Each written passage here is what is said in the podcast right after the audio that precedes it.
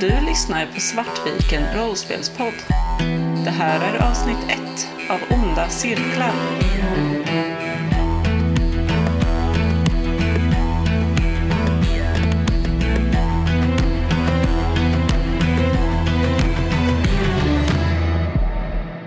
Välkomna till Svartviken rollspelspodd, ett Gothcon special.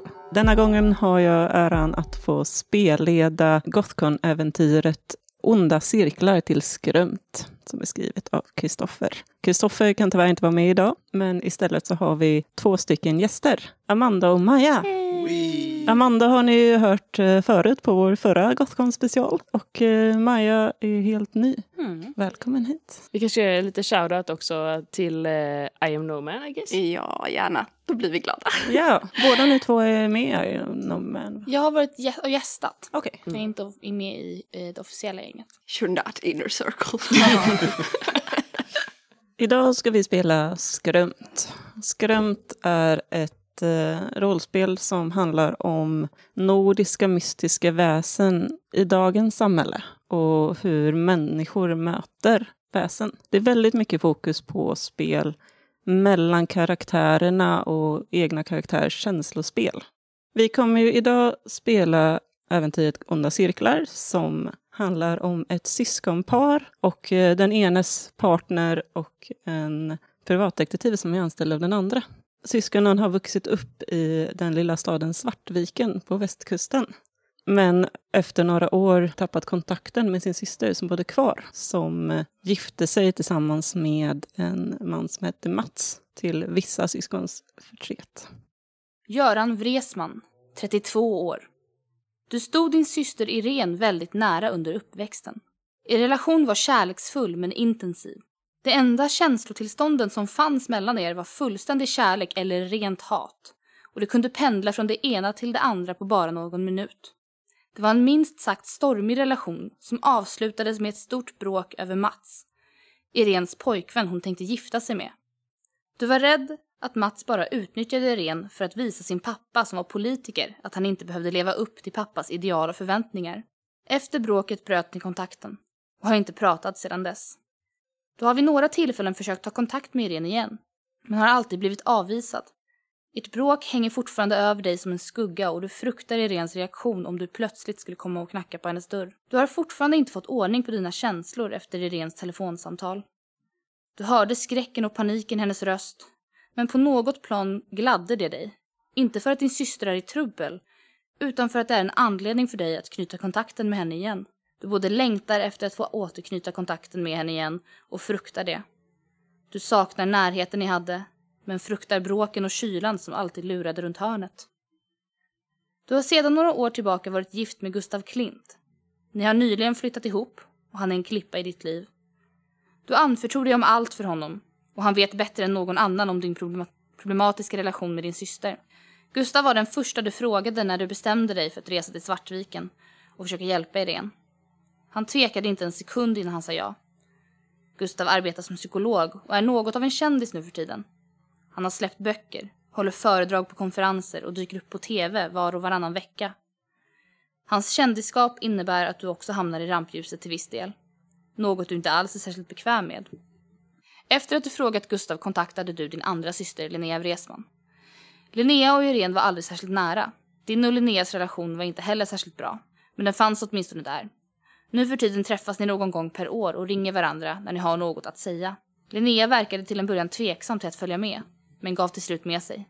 Men hon envisades med att ni skulle hyra in en privat utredare för att säkerställa att allt gick rätt till och för att ha med er någon som vet vad den gör. Det var så du träffade Monica Järvedal. Det var Linnea som hyrt in Monica. Och du vet inget mer om henne än att Linnea tydligen anställt henne tidigare för att undersöka något. Du misstänker att det har att göra med Linneas ex-make. Linnea Wresman, 29 år. Du och Irene stod aldrig varandra särskilt nära. Ni tolererade varandra under uppväxten men hade inga starka känslor för varandra åt något håll. Det var en nästan fullständigt neutral re- relation. När du flyttade från Svartviken gled ni helt enkelt isär. Du blev därför förvånad när det var dig hon ringde för att prata ut om sina problem med sin make Mats. Hon berättade om hans spelmissbruk och att hon misstänkte att han var otrogen mot henne. Mats spelade bort nästan hela deras inkomst. Du förvånade både din syster och dig själv när du erbjöd dig att ge henne ekonomiskt stöd. Trots att du också hade det kärvt ekonomiskt. Irene fick dig att lova att inte säga något till din bror, Göran Vresman. Hon var rädd att Göran fortfarande var arg på henne efter deras bråk. Du hade ingen aning om hur, huruvida det stämde. Du och Göran pratade aldrig om sånt. För ungefär ett år sedan slutade Irene kontakta dig. Vid ungefär samma tid fick du reda på att Mats gått bort, eller blivit dödad. Du är inte helt säker på vad som hände. Varken du eller Göran blev inbjuden till begravningen och dina försök att kontakta henne möttes av tystnad. Du fortsatte skicka pengar till henne trots att din egen ekonomiska situation blev allt värre. Jobbet som konstnär som inte slagit igenom kan vara tufft ibland. Det har gått så långt nu att du inte vet vad du ska ta dig till. Du känner inte att du kan sluta ge Irene stöd, samtidigt som du knappt har råd att leva själv längre. När Göran ringde och berättade att Irene kontaktat honom kände du ett vagt hopp.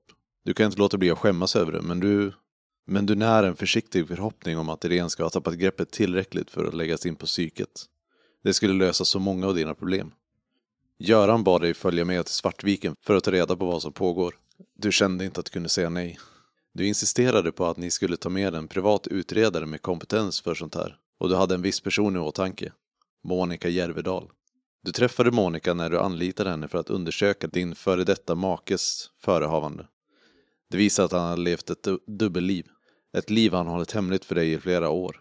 Ett liv med en annan familj vid sidan av dig. Hans svek har lett till att du utvecklat både ett stort kontrollbehov och en svårighet att lita på människor i din närhet. Monica är en av de få undantagen.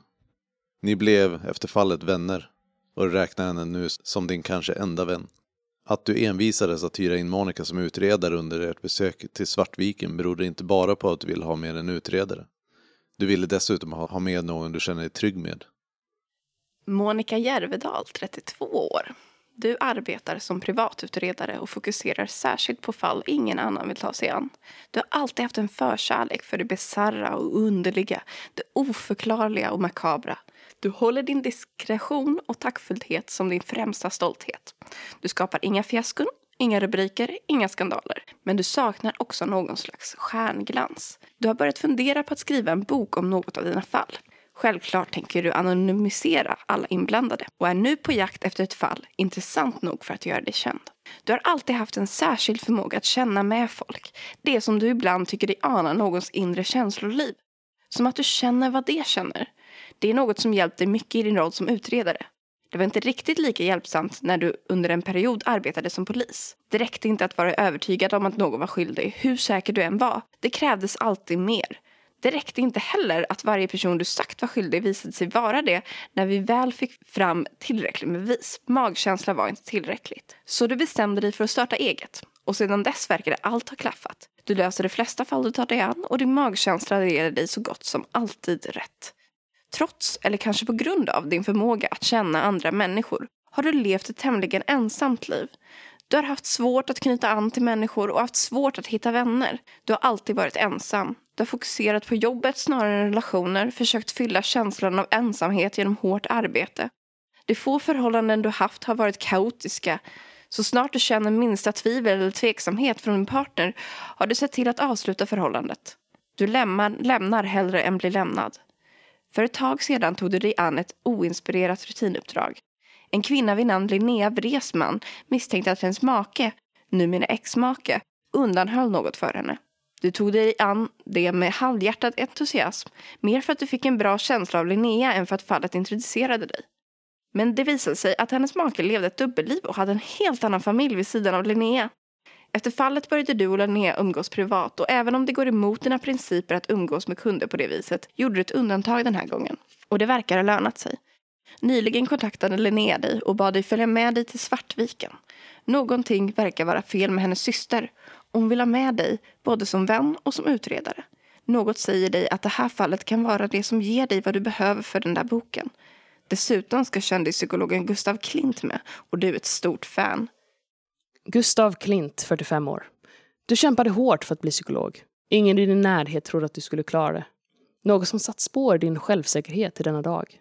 Du hade aldrig samma fallenhet som dina studiekamrater och dras fortfarande med en stark känsla av att någon snart kommer på dig med att bara luras. Att du inte alls är lämpad för yrket. Trots din egen osäkerhet har du blivit något av en kändis i branschen. Ditt schema är fullbokat med föreläsningar och du blir inbjuden av att vara huvudtalare på prestigefulla konferenser världen över. Du har varit med på tv och släppt böcker som blivit bestsellers.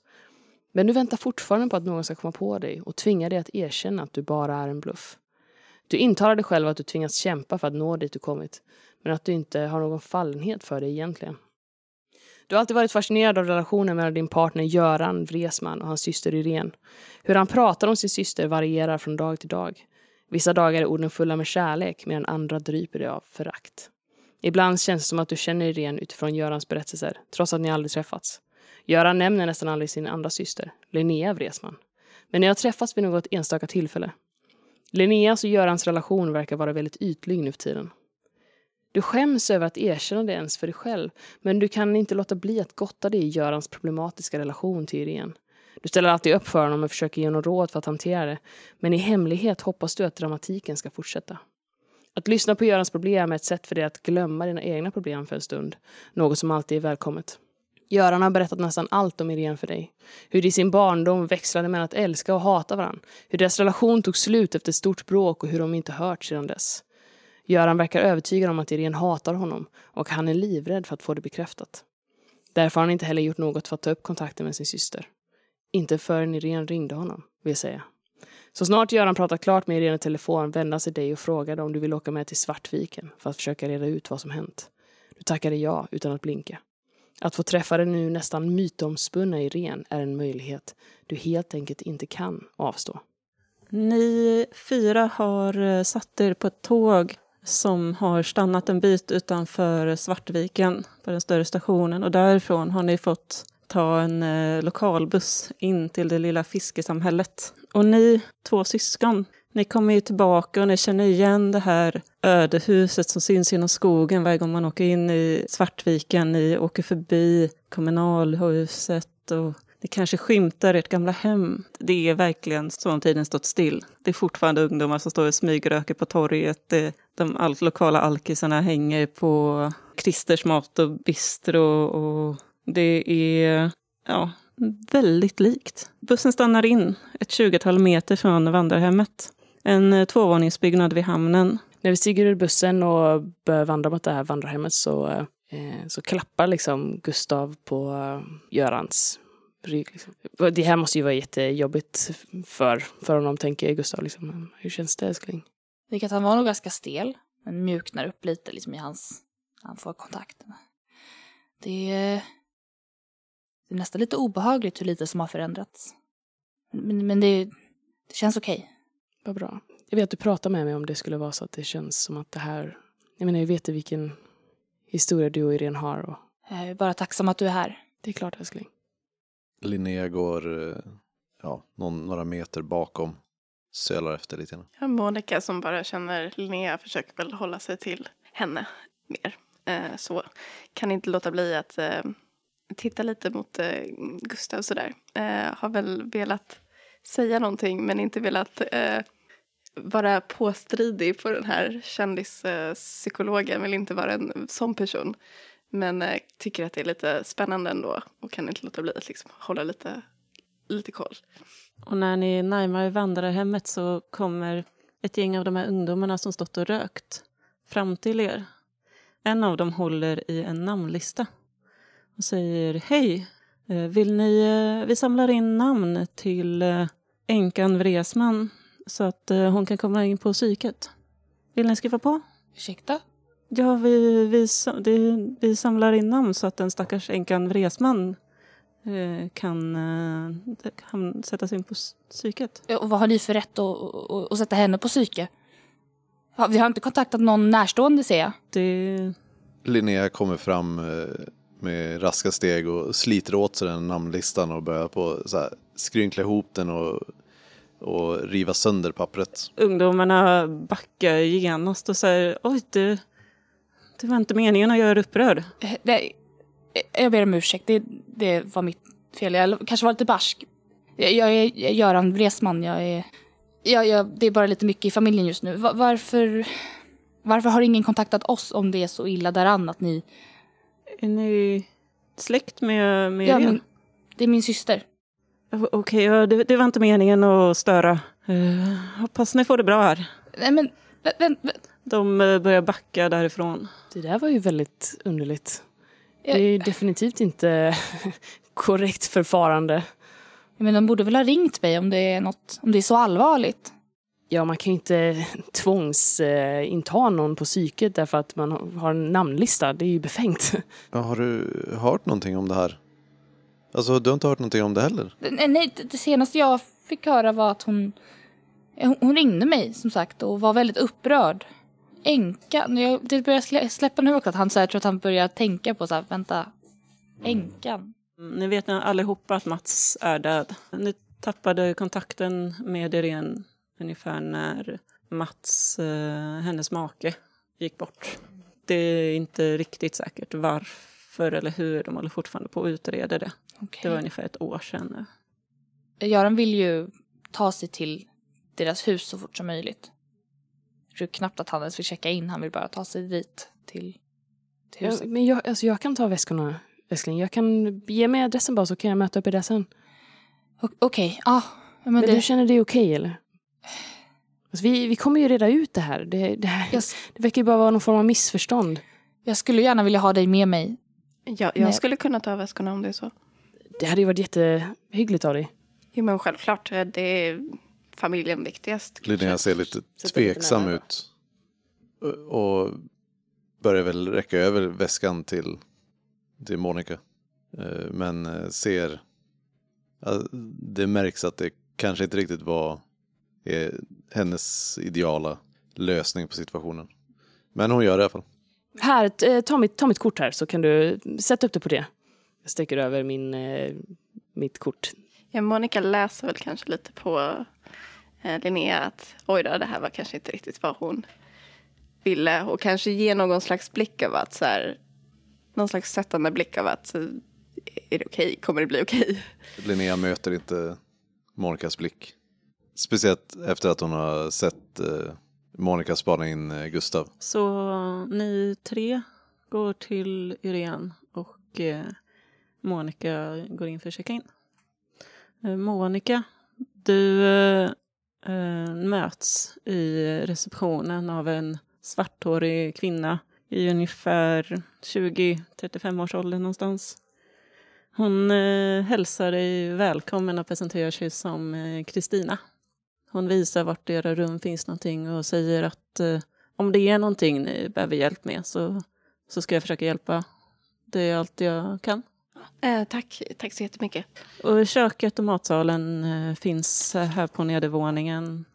Eh, det, vi brukar fixa någon enklare frukost på morgonen Okej, tack, tack, tack. och hjälper dig att ta två väskor Ja, och, och bär upp dem till rummen. De är dekorerade, allting i marint tema.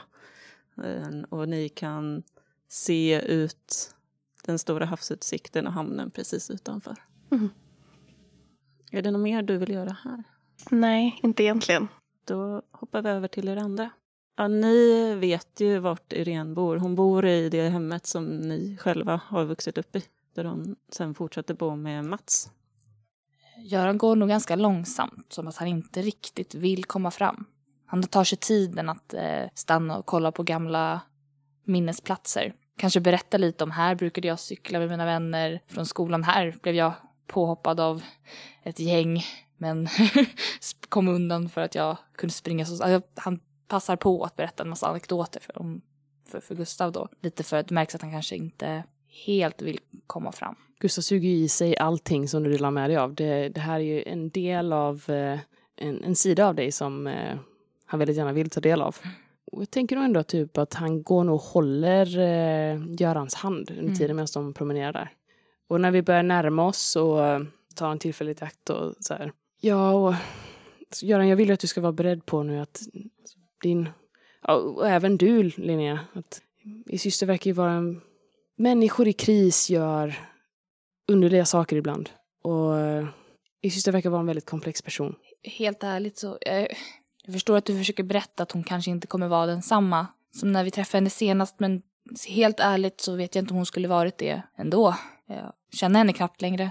Jag vill bara inte att ni tar på er något ansvar för hur hon potentiellt kan tänkas bete sig nu. det är så många komplexa faktorer som spelar in i sånt här. Och jag vet att det här är en svår situation men jag vill bara inte att ni ska gå in och känna någon form av ansvar eller skuld eller skam. Och, och om det skulle vara så att ni känner att ni behöver prata om någonting så finns jag här. Linnea korsar armarna och ser lite skeptisk ut men alltså, försöker ändå vara uppmärksam på vad, vad Gustav säger. Göran grabbar tag om hans hand lite hårdare för att visa att han hör vad han säger. Man kan inte riktigt svara på det. Och ni kommer fram till Irens hem, ert eh, barndomshem. Huset är slitet. Det står kvar som det alltid har gjort och kanske väcker en del minnen. Men gräsmattan är oklippt och uttorkad. Häcken spretar. Ni börjar vandra upp längs eh, grusgången till, till det som en gång var ert hem. Linnea dröjer kvar ganska länge precis på tomtgränsen. Och det tar tydligt emot att, att gå upp på gången från vägen sett. Ni kommer fram till dörren. Göran tvekar nog. Det är som att han vill knacka men han klarar inte riktigt av det så han kollar på Gustav istället. Jag finns här. Sen eh, knackar eh, Gustav på dörren. Det går en stund. Ganska lång stund. Inget eh, svar. Jag knackar lite hårdare. Det är ingen som öppnar. Men eh, Linnea, Mm. du som eh, står utanför vid gatan. Du hör någonting braka till precis bakom dig. Det låter som någonting som faller i marken. Och när du vänder dig dit så ser du en man som du känner igen. Det är byns original kan man säga. Älgen brukar han kallas. Han eh, brukar cykla runt eh, med en cykel full med prylar och samla på sig alla möjliga konstiga saker som man ska bygga märkliga manicker med. Det är en eh, lång och spinkig karl som rör sig lite ojämnt. Och han eh, står nu och lyfter upp en eh, tavelram som eh, ramlat ner ifrån cykeln. Jag drar armarna lite mer runt omkring mig och går skyndsamt upp eh, längs gången. Det är lite jobbigare att, bli, att stanna kvar här liksom med älgen än att gå upp på tomten ändå. Oj, det var inte meningen att skrämma dig. Är det så att ni besöker eh, Vresman? Jag ignorerar honom och fortsätter bara för gången skyndsamt. Jag vill inte, vill inte interagera med honom. Jag antar att vi har märkt honom nu. Mm. Eh, och jag känner igen honom. Så jag vill vara trevlig. Så jag, I och med att vi inte får något svar så går jag nog och eh, går fram och räcker fram handen. Ja, ja, hej, hej. Och du känner hans eh, så här ryckiga handslag. du, du kanske inte minns mig. Eh, Göran Resman, jag brukade bo här. Ja, Göran! Vad trevligt att du är tillbaka. Jag kommer ihåg det som en liten knodd. Han typ skakar lite i ditt hår. Oh, han är, blir väldigt stel men eh, försöker vara trevlig. Och... Har du möjligtvis eh, sett min, min syster på senaste tid? Ja, är hon inte här så är hon väl på kyrkogården. Ja. Men eh, det är trevligt att ha er här och, och är det någonting som ni behöver hjälp med så säg till. Jag, jag kan, ni kan få en eh, skiftnyckel, säger han och räcker fram den. Jag har massa saker här. Han, han tar emot den för att vara artig. eh, men mellan tummen och pekfingret ifall den är liksom lite oljig och Det är den. ja, han tar en väldigt så här. Tack, det kommer säkert till användning. Tjingeling! Vi ses på stan! Och så cyklar jag vidare.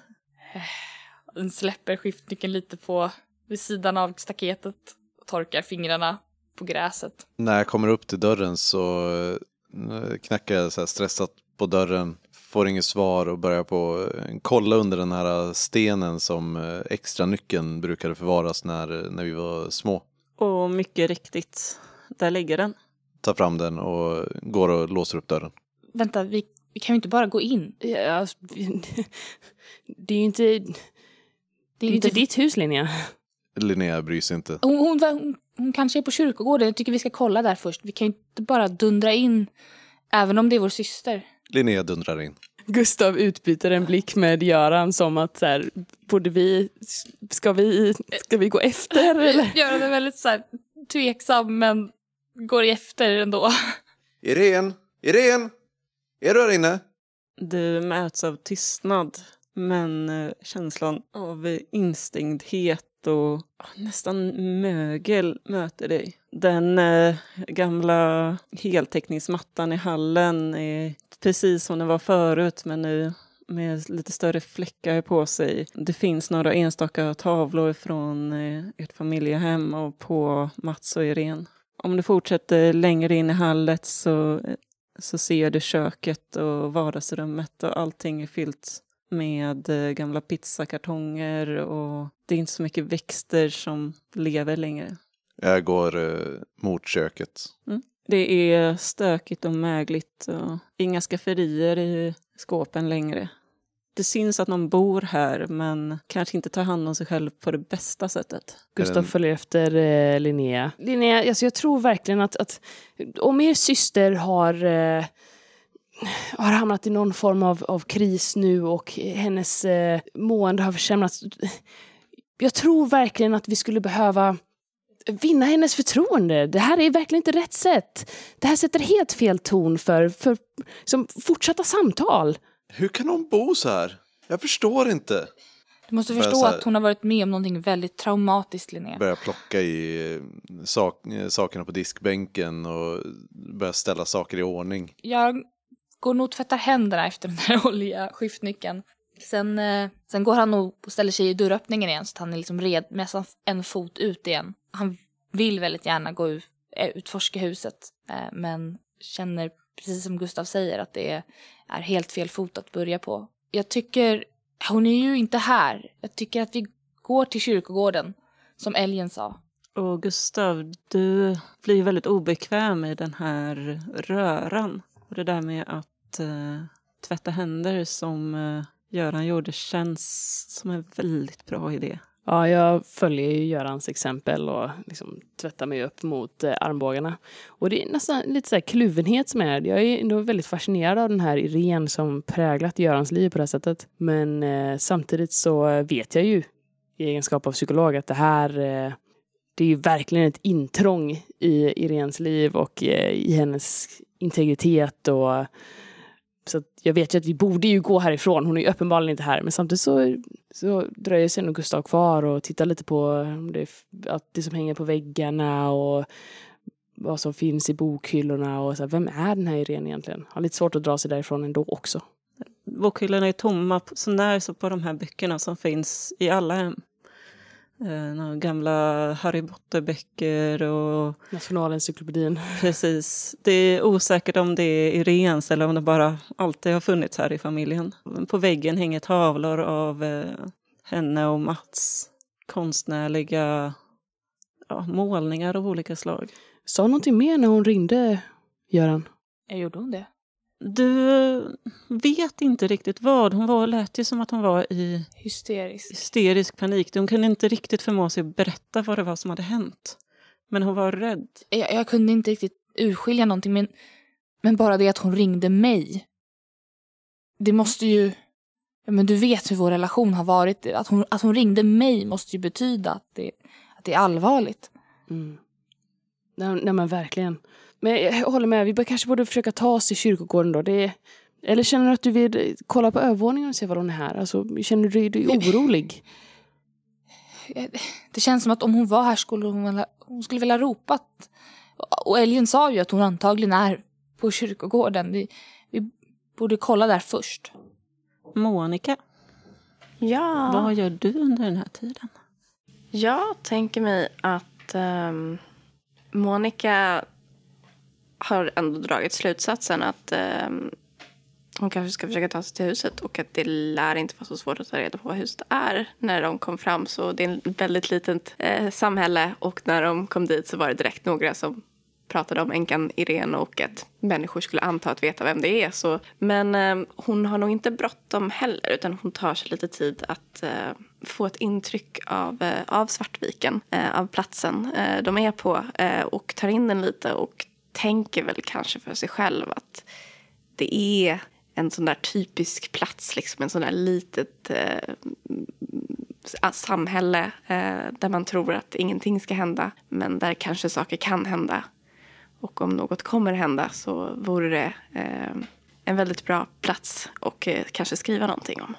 Men ja, sen eh, tar sig ut och försöker eh, kanske redan fråga i receptionen på eh, Lilla värdshuset. och Liksom, var bor Vresmans? Ja, du ska träffa Resman? Ja, jag kom med syskonen eh, i sällskap med dem. Eh, de gick i förväg. Jaha, ja, är Linnea och Göran här? Eh, ja, precis. Vad, vad trevligt. Det var länge sedan jag träffade dem. Jag brukade gå i klassen över eh, Göran. Jaha, ja. Men eh, ja, eh, Irene, hon, eh, hon bor några kvarter bort här. Okej.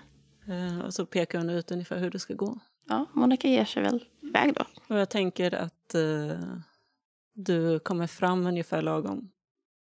Göran står i dörröppningen. Och vet nästan att han är på väg ut men inte riktigt förmår sig att röra på sig. Vi kanske borde kolla övervåningen i alla fall, Göran. Jag tänker så här, om, om någonting... Din syster Vecka är ju djupt olycklig. Och du vet ju att hon har varit rätt så instabil. Tänk om hon dyker upp.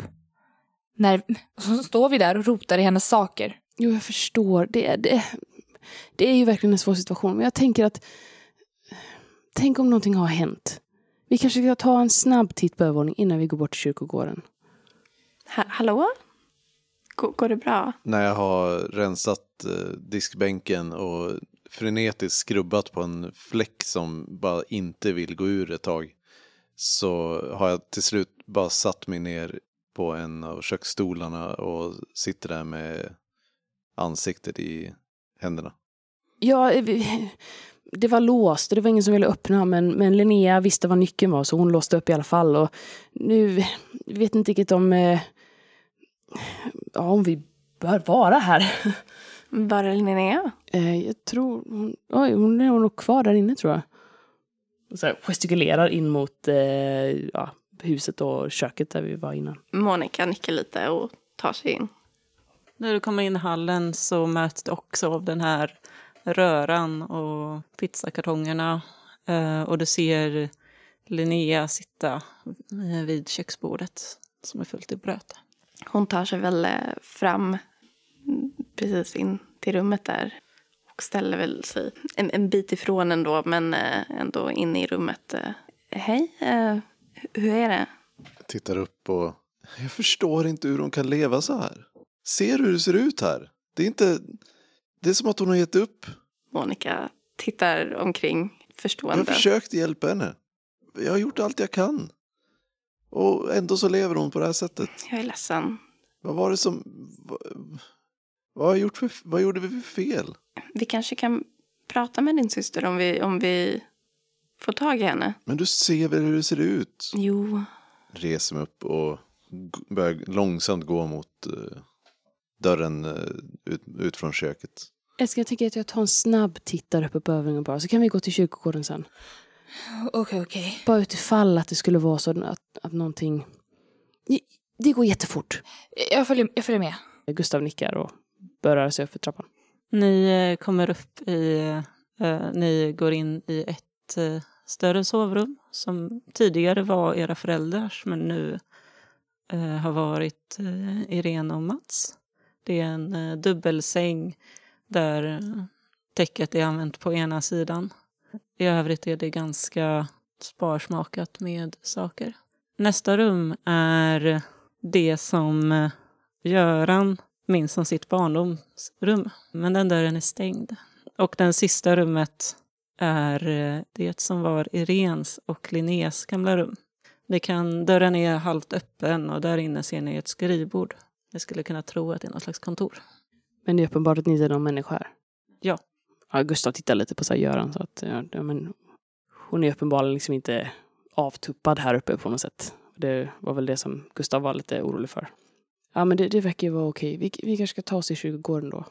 Ja, tack. Linnea har gått förbi Monica och står och väger fram och tillbaka i dörröppningen. Och verkar inte riktigt säker på om hon ska gå tillbaka till diskbänken och fortsätta göra rent eller om hon ska gå ut ur huset som de sa att hon borde göra. När Göran kommer in för trappan och ser Linnea så tror jag han lägger en hand på hennes axel.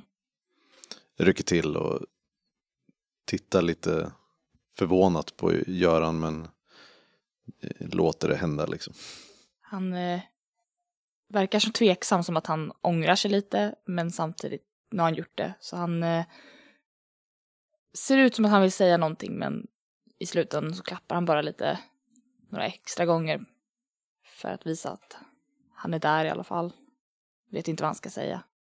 Och det verkar kicka igång Linnea så att hon sträcker på sig lite och börjar gå ut mot eh, trappen igen. Men ni ger er av mot kyrkogården och ni kommer fram till eh, kyrkogården där era gamla föräldrar ligger också. Mycket riktigt, vid en av gravstenarna så står en kvinnogestalt lutad över. Eh, Hon lägger eh, en bukett blommor på graven. Göran stannar upp och står och tittar på henne. Vågar inte gå fram. Är det, är det Irene, Göran?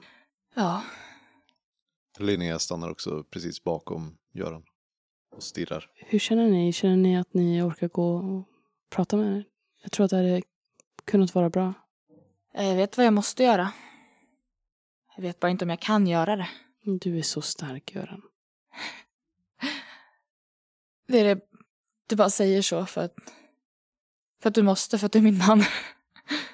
Jag är helt övertygad om att det här kommer gå jättebra. Bara försök att och, och vara lugn och, och vet att, att du har gjort allt du har kunnat för din syster. Och du är här nu. Det är ett tecken på vilken god man du är. Mm. Han tar några steg fram. Hoppas lite att hon ska se honom innan han kommer fram. Så att han inte ska behöva säga någonting för att få hennes uppmärksamhet utan hon ska se honom och ta första steget. Hon eh, tittar inte mot dig, men hon fortsätter titta ner. Men när hon börjar känna av din närvaro så tittar hon på de andra blommorna och säger Det är trevligt att det är så många andra som lägger blommor på Mats grav. Och då kan du se att det är, ligger mängder med eh, buketter där i flera olika stadier av förruttnelse.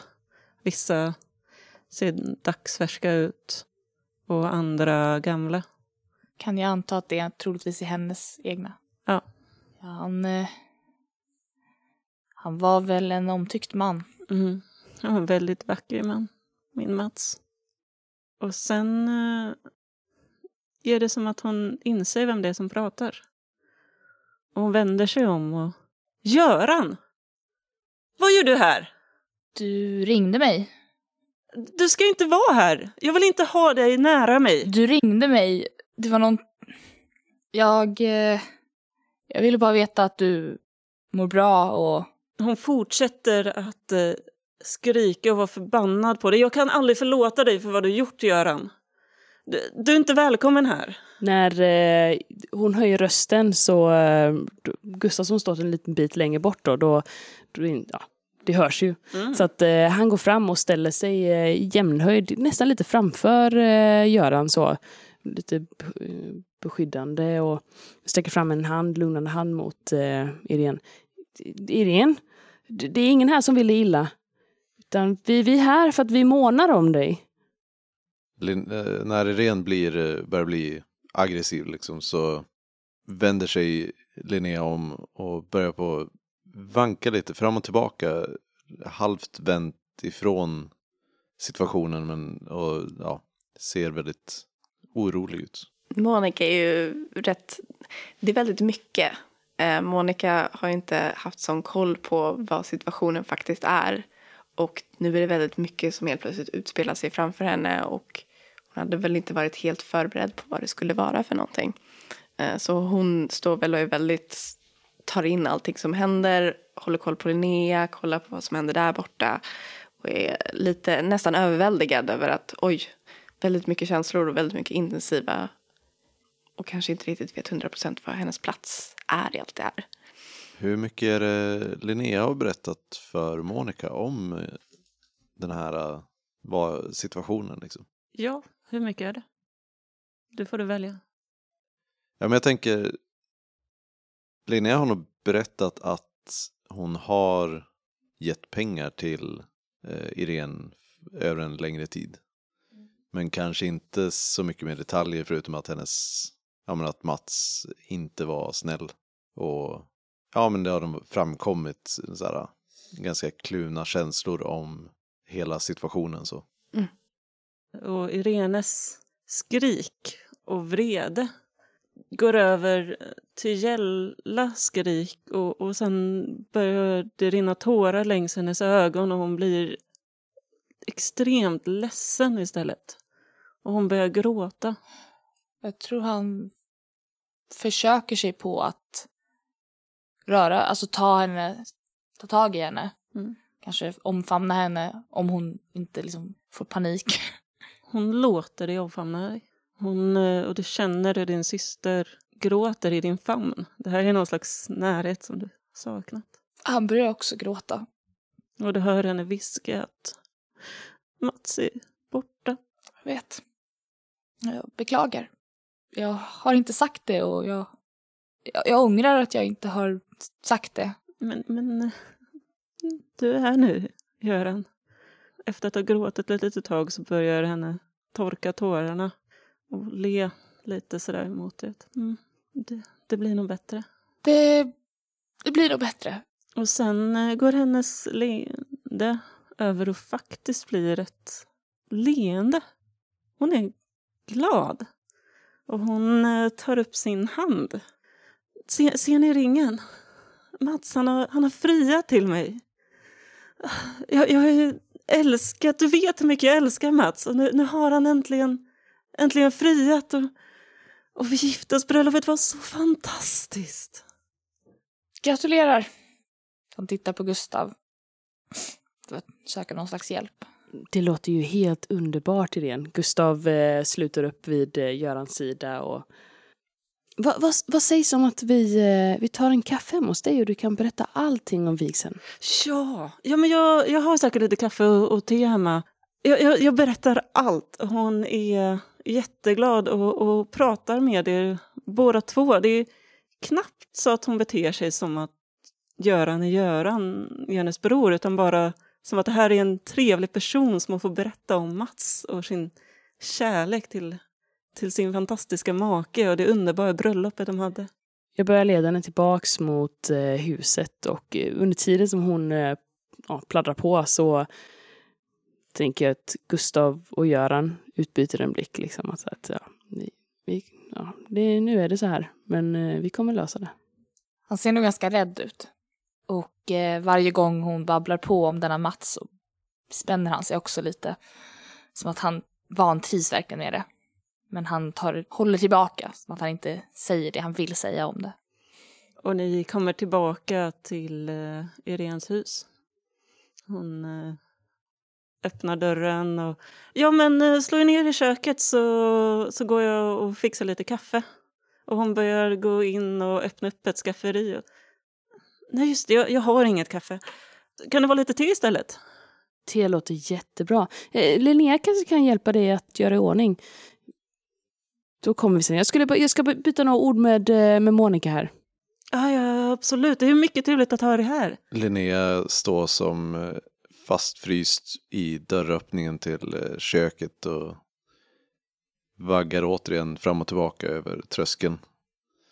Det, det tar uppenbarligen emot att kliva in i det som nu är Irens kök. När Gustav säger att eh, Linnea kan hjälpa till så, så här, tittar han på Linnea väldigt menande och så här, nickar nästan, nästan övertydligt. Mm. Du märker att du, du får ingen respons från Linnea direkt. Linnea verkar titta in i köket på er men ger inte någon respons på det, att, dina tydliga signaler. Så. Det är så trevligt att ha gäster här. Jag, men jag plockar fram finporslinet och så går han fram till en eh, vitrinskåp och öppnar dörren och... Ja, just det, vi har packat ner det. Det, det, liksom, det blir en ganska förvirrad sittning när hon ställer fram te. Hon hittar lite te och hon försöker leta reda på lite småkakor men sen kommer hon på att hon inte har några. Vet du vad Irene, vet du vad? Jag- och, och Göran, vi kan gå iväg och handla lite. Så kan vi fika sen. Så kan du berätta allting om, om, om vigseln.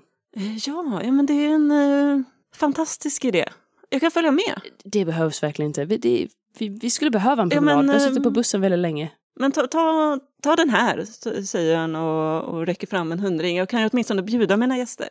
Och hon är på väg att följa med er ut i hallen. När hon plötsligt stannar upp och tittar mot ytterdörren. Och, Vad gör du här? Nej, ni ser ingen. Det ser ut som att hon tittar mot intet. Och sen så ser hon nästan äcklad ut. Vad är det där? Hon eh, tittar åt ena hållet och hon håller sig för munnen och, och skriker i enorm rädsla. Låter det som när hon ringde. Det är samma, samma rädsla. Då tror jag han springer fram och försöker få kontakt med henne. Och frågar, men vad, vad är det du ser? Hon eh, backar bakåt och, och sen så sätter hon sig ner och, och hukar, börjar gråta. Irene? Irene, prata med mig. Vad, vad är det du ser för någonting? Hon bara skakar på huvudet. Och, nej, nej, nej. Irene, hur länge har det här pågått? Hur länge har du... Varför har du inte ringt mig tidigare? Han är borta. Mats är död. Jag måste... Jag måste ut härifrån. Jag tror han kollar på Gustav och säger, "Vi- vi tar med henne till butiken. Ja, de, definitivt. Det, det, det verkar inte vara bra för henne att vara kvar här. Jag tror inte det är bra för henne att vara ensam. Det har du helt rätt i. Det låter som en väldigt rimlig bedömning. Men jag skulle behöva göra lite... Jag skulle behöva ringa lite samtal. Men hon bör definitivt inte vara ensam. Jag... Eh, vart ligger butiken i förhållande till staden? Det ligger mitt på torget. Jag, jag promenerar med henne ner till torget så, så ses vi där nere. Det låter jättebra. Jag vänder mig mot eh, Linnea. Eh, Linnea, eh, Linnea rycker till och tittar upp mot, mot Gustav. Irens personnummer, kan du det? Säger Gustav med lite lägre röst så att det typ, inte Irene ska höra. Mm, Jag har det nog nedskrivet här tror jag. Och jag plockar fram ett eh, litet anteckningsblock som jag har minnesanteckningar i och börjar bläddra eh, och plocka fram personnumret. Monica, du har sett Irene gå igenom den här eh, scenen, eller vad man kan kalla det. Så är det som att du, du känner med henne. Mm. Som att du märker verkligen att någonting är fel, som att han håller något inne. Det är nästan så att hon skriker konstant, även om hon bara skrek ut det under en period så har du hört henne skrika inuti hur länge som helst. Okej. Men ni eh, går ner till affären. Förutom Gustav då, som stannar kvar och eh, ringer eh, till Näl. Mm. För att försöka få eh, att eh, Irene ska bli omhändertagen. Mm. Eh, för eh, ja, utvärdering. Du eh, hamnar i en telefonkö. Du får slå in eh, ditt telefonnummer så ska de ringa tillbaka när de har tid. Då eh, följer jag efter de andra, om det är så. Jag tänker, hur, länge, alltså hur många år sedan var det Mats dog? Ett år ungefär. Ja. Efter lite tystnad så frågar Göran, hur länge sedan var det Mats gick bort? Han är borta dagarna, åren, jag vet inte. Allting flyter ihop. Det känns som en evighet. Och när började du känna så? Titta på dig och förstår inte riktigt. Men du märker att hon har torkat tårarna och hon går med er ganska tyst. Jag tror att han kanske back, alltså går lite, tar lite steg ifrån och hamnar i, fot, alltså i steg med Gustav istället. Och säger, jag skulle aldrig ha åkt. Jag skulle ha kämpat mer för att han, var inte bra för henne. Det ser jag ju nu, han var ju inte bra för henne. Men ingen annan kan ta ansvar för en annan vuxen människas handlingar, Göran. Hon är min syster. Jo, jag vet det. Jag, jag vet att du älskar henne väldigt, väldigt mycket. Men, men man kan faktiskt inte tvinga andra vuxna människor att göra saker. Även om du hade stannat kvar här finns det ingenting som kan garantera att, att du hade kunnat förhindra något av det här. Ja, men jag försökte inte ens. Jag tror att du gjorde det, Göran. Jag vet att du är en god man. Jag tror att du gjorde allt du kunde. Och ni eh, följer efter Irene till eh, mataffären. Fortsätter Irene liksom leda framför eller? eh, Hon går Sakta. faktiskt, eh, inte raska steg, men hon saktar inte efter utan hon går framåt och nu märker jag att hon går mot mataffären. Ja, hur förhåller sig Linnea till sin syster. Ja, det är det jag tänkte att eh, Linnea går några steg bakom och gjorde det hela tiden så att när, när Göran föll tillbaka eh, och började gå med Gustav så fortsatte de bara gå så.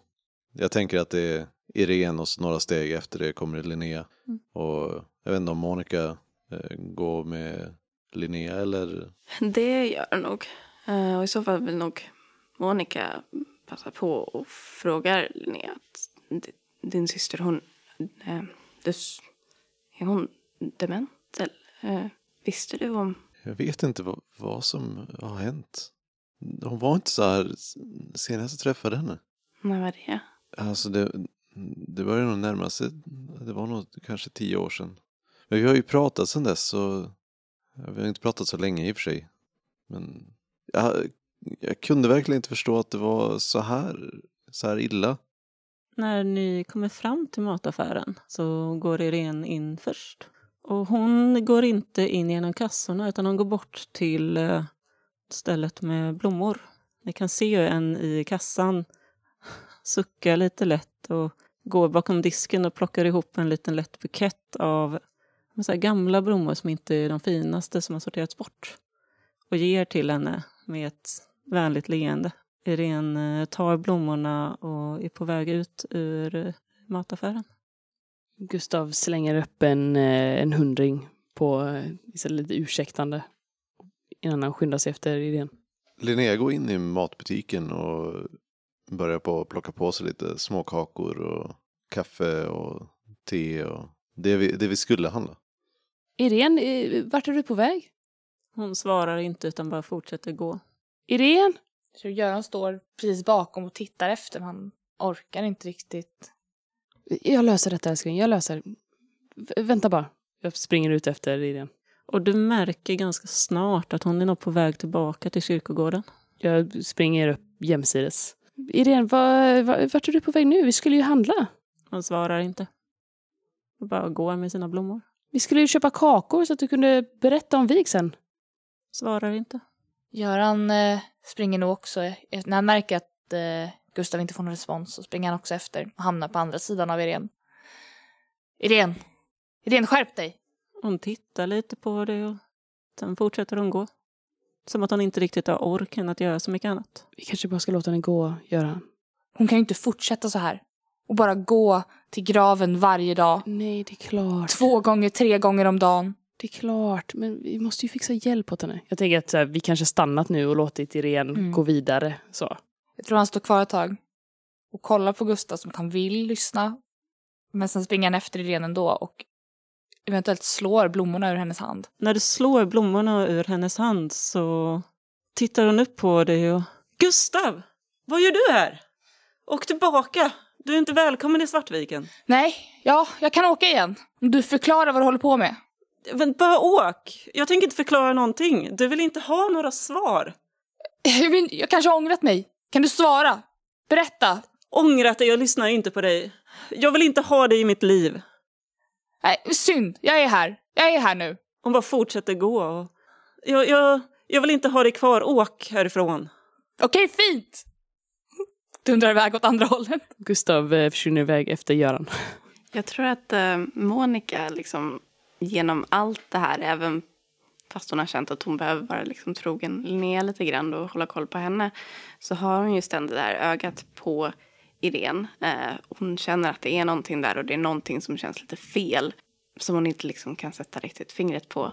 Men eh, när hon försvinner iväg där så tror jag hon ändå går fram till Linnea, går in i butiken och går fram eh, till Linnea som håller på och plockar ihop varor tänker jag och kanske inte bryr sig så mycket om Monica eller när hon går fram.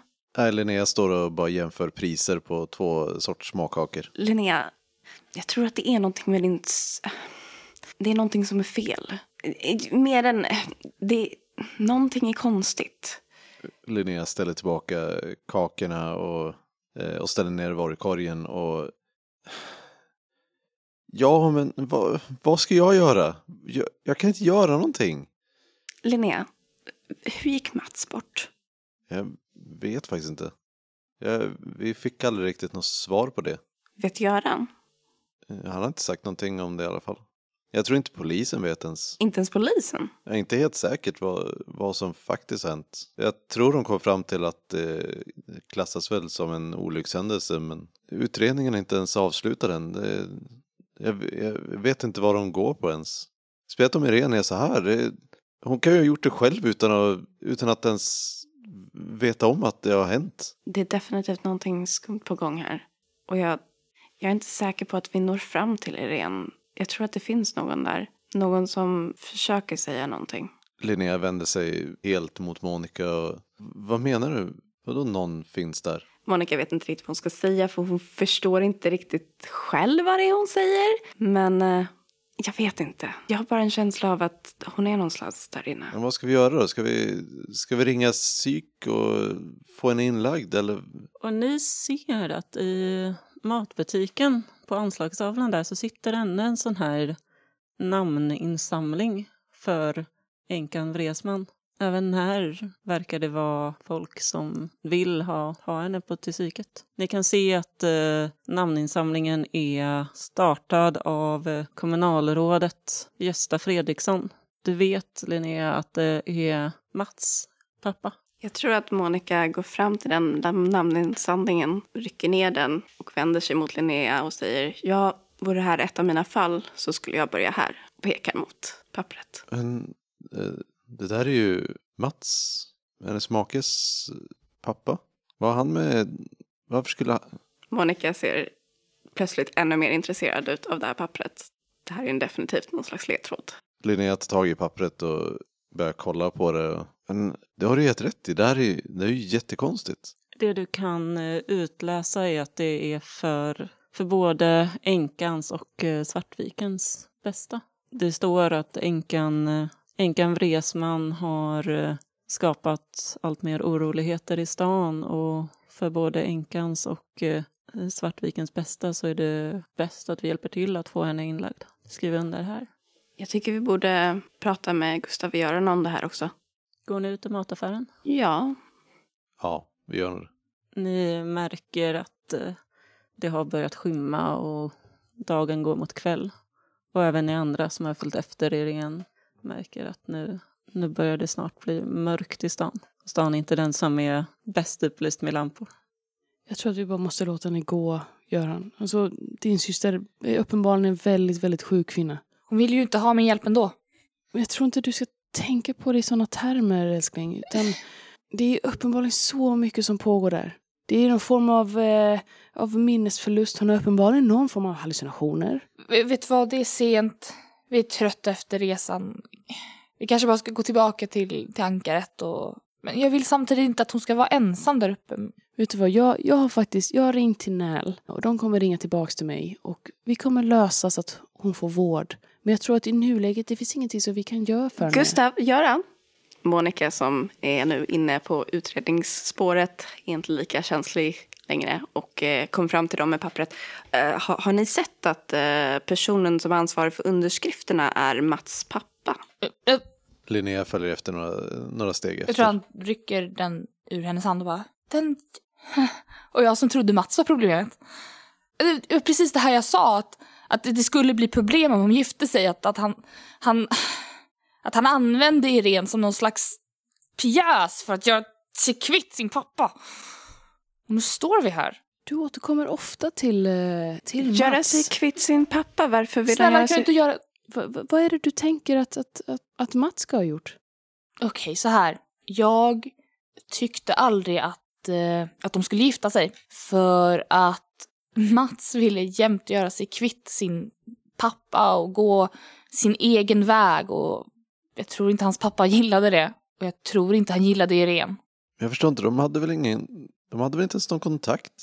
Nej, men jag menar, när Mats gifte sig med Irene så var det hans sätt att säga upp kontakten med sin pappa. Så du menar att du upplever att Mats aldrig älskar dig igen? Ja, jag upplever väl det.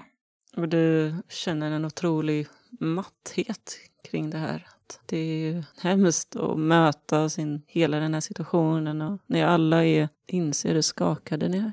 Vi kanske bara borde försöka ta oss tillbaka till vandrarhemmet och jag ska, jag ska ringa Näl igen imorgon och eh, vi kanske ska prata med den här, jag plockar det här pappret från eh, Göran. Den här eh, Gösta, okej? Låter det som en bra idé? Jag tror att vi alla kan behöva lite sömn så vi kan se på detta med nya och fräscha ögon imorgon. Linnea nickar lite matt. Göran eh, nickar också. Kom älskling, du har, varit, du har varit så stark idag. Jag är så stolt över dig. Gustav lägger en arm kring eh, Görans axlar och så här. Han eh, lutar sig lite mot honom. Jag vet att det är svårt. Men jag vet också att du klarar det. Du har lyssnat på Svartviken rollspelspodd. Spelet Skrömt ges ut av Bläckfisk förlag och musiken är gjord av Alexander Bergil.